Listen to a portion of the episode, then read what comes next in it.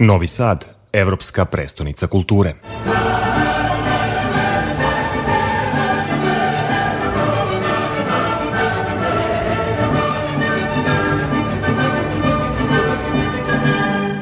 Nakon predstave Schindlerov lift koju ste postavili na scenu kamernog teatra u Sarajevu, nastavljate saradnju sa Darkom Cvjetićem.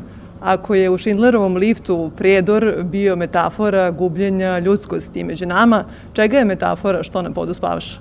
Da, taj crveni soliter u Schindlerovom liftu u kome Darko živi i, i, i ti strašni zločini koji su njemu dogodili u samom prijedoru, posle su metafora raspada Jugoslavije. Ovde je priča mnogo e, intimnija, mnogo potresnija i po samog pisa i po nas koji gledamo, jer se tiče Darkove porodice koje je mešovito srpsko-hrvatska porodica koja to živi u Bosni ovaj, i praktično raspad te porodice postaje metafora raspada, raspada naše zemlje, kako se vrlo lako identifikujemo sa, sa glavnim junacima emotivno, a time nas se jako tiče, jako nas boli, mislim svako od nas nosi neku svoju bolnu uspomenu na, na, na, na raspad zemlje, bar mi koji smo je tako puno volili.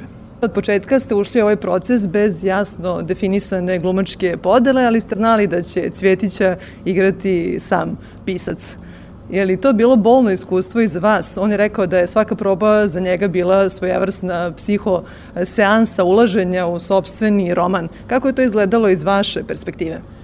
Darko Svjetić je jedna veličanstvena pojava u kulturi naših prostora i a, tom ličnom moralnošću koja se očitava u svim njegovim delima, a i načinom na koji funkcioniše, živi i piše, on jeste jedan onako primer uh, uh, kakvi smo svi mogli da budemo kad bismo bili znato bolji nego što jesmo. A, u, u predstavi Darko igra samoga sebe, to jest nakon tog sjajnog romana Što na podu spavaš, koji ima i svoju slavu i svoje nagrade i svoj uspeh, gde je svu bol koja ga tišti na temu raspada porodice Jugoslavije ovaj, zaokružio, on sad iznova pred nama preslaže događaje, dodaje nove, stavlja u novi kontekst, samog sebe iznova povređuje, ne bi li ta priča napokon dobio neki optimistički kraj. I, i priča ipak dobio optimistički kraj nakon nakon svih katastrofa. Da kaže Branko Miljković, treba u svemu i posle svega pronaći nadu. E pa upravo je a, ova predstava traganje za nadom nakon svega što nam se, što nam se dogodilo. Koliko vam je to njegovo prisustvo na sceni značilo i koliko je usmerilo ceo tok predstave? Pa dalo mu jednu ogromnu ličnu notu. Praktično je to svet Darka Cvjetića koji mi odigravamo, a, stavljamo znakove pitanja na neke događaje, neki igramo suprotno od onoga koje je napisano u knjizi i tako dalje. Kažem, preslažemo sa tim sjajnim ansamblima iz, iz Zagreba, Sarajeva i Novog Sada, a zajedničku traumu, zajedničku priču, ne bismo li došli do, do a, nekog optimizma budućeg zajedničkog života. Ne mora da bude optimizam života u, u zajedničkoj države, ali svakako šta god se desilo sa nama nakon svih tih ratova, kako god se čim pobedama završe ti ratovi, oko nas će zauvek živeti upravo ti ljudi. Mislim da ne, mi nemamo drugoga načina da da nađemo kako da na najbolji mogući način živimo zajedno sa njima. Da, budi optimizam sama činjenica da je u stvaranju predstave učestvovalo četiri teatarske ustanove iz tri države. Kako ste uspeli da ih umrežite i spojite na ovom projektu? Ja imam sreću da je to meni moj posao omogućio da, da, da živim u sobstvenoj zemlji, to je u Jugoslaviji i mnogo više vremena provodim van Srbije nego u samoj Srbiji.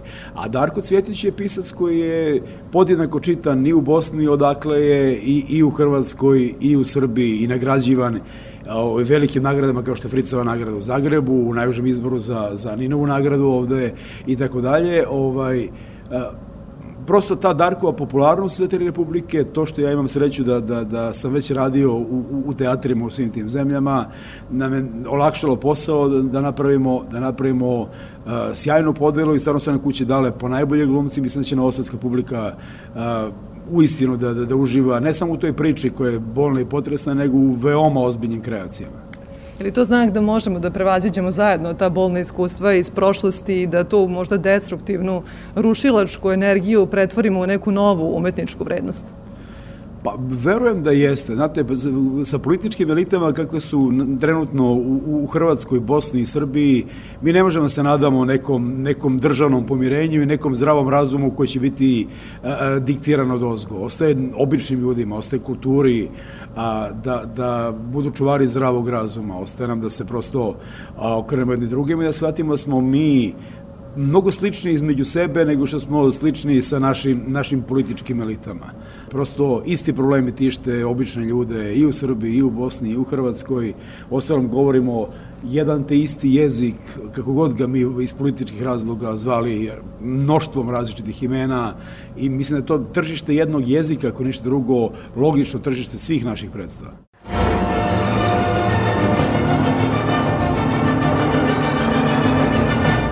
Novi Sad, evropska prestonica kulture.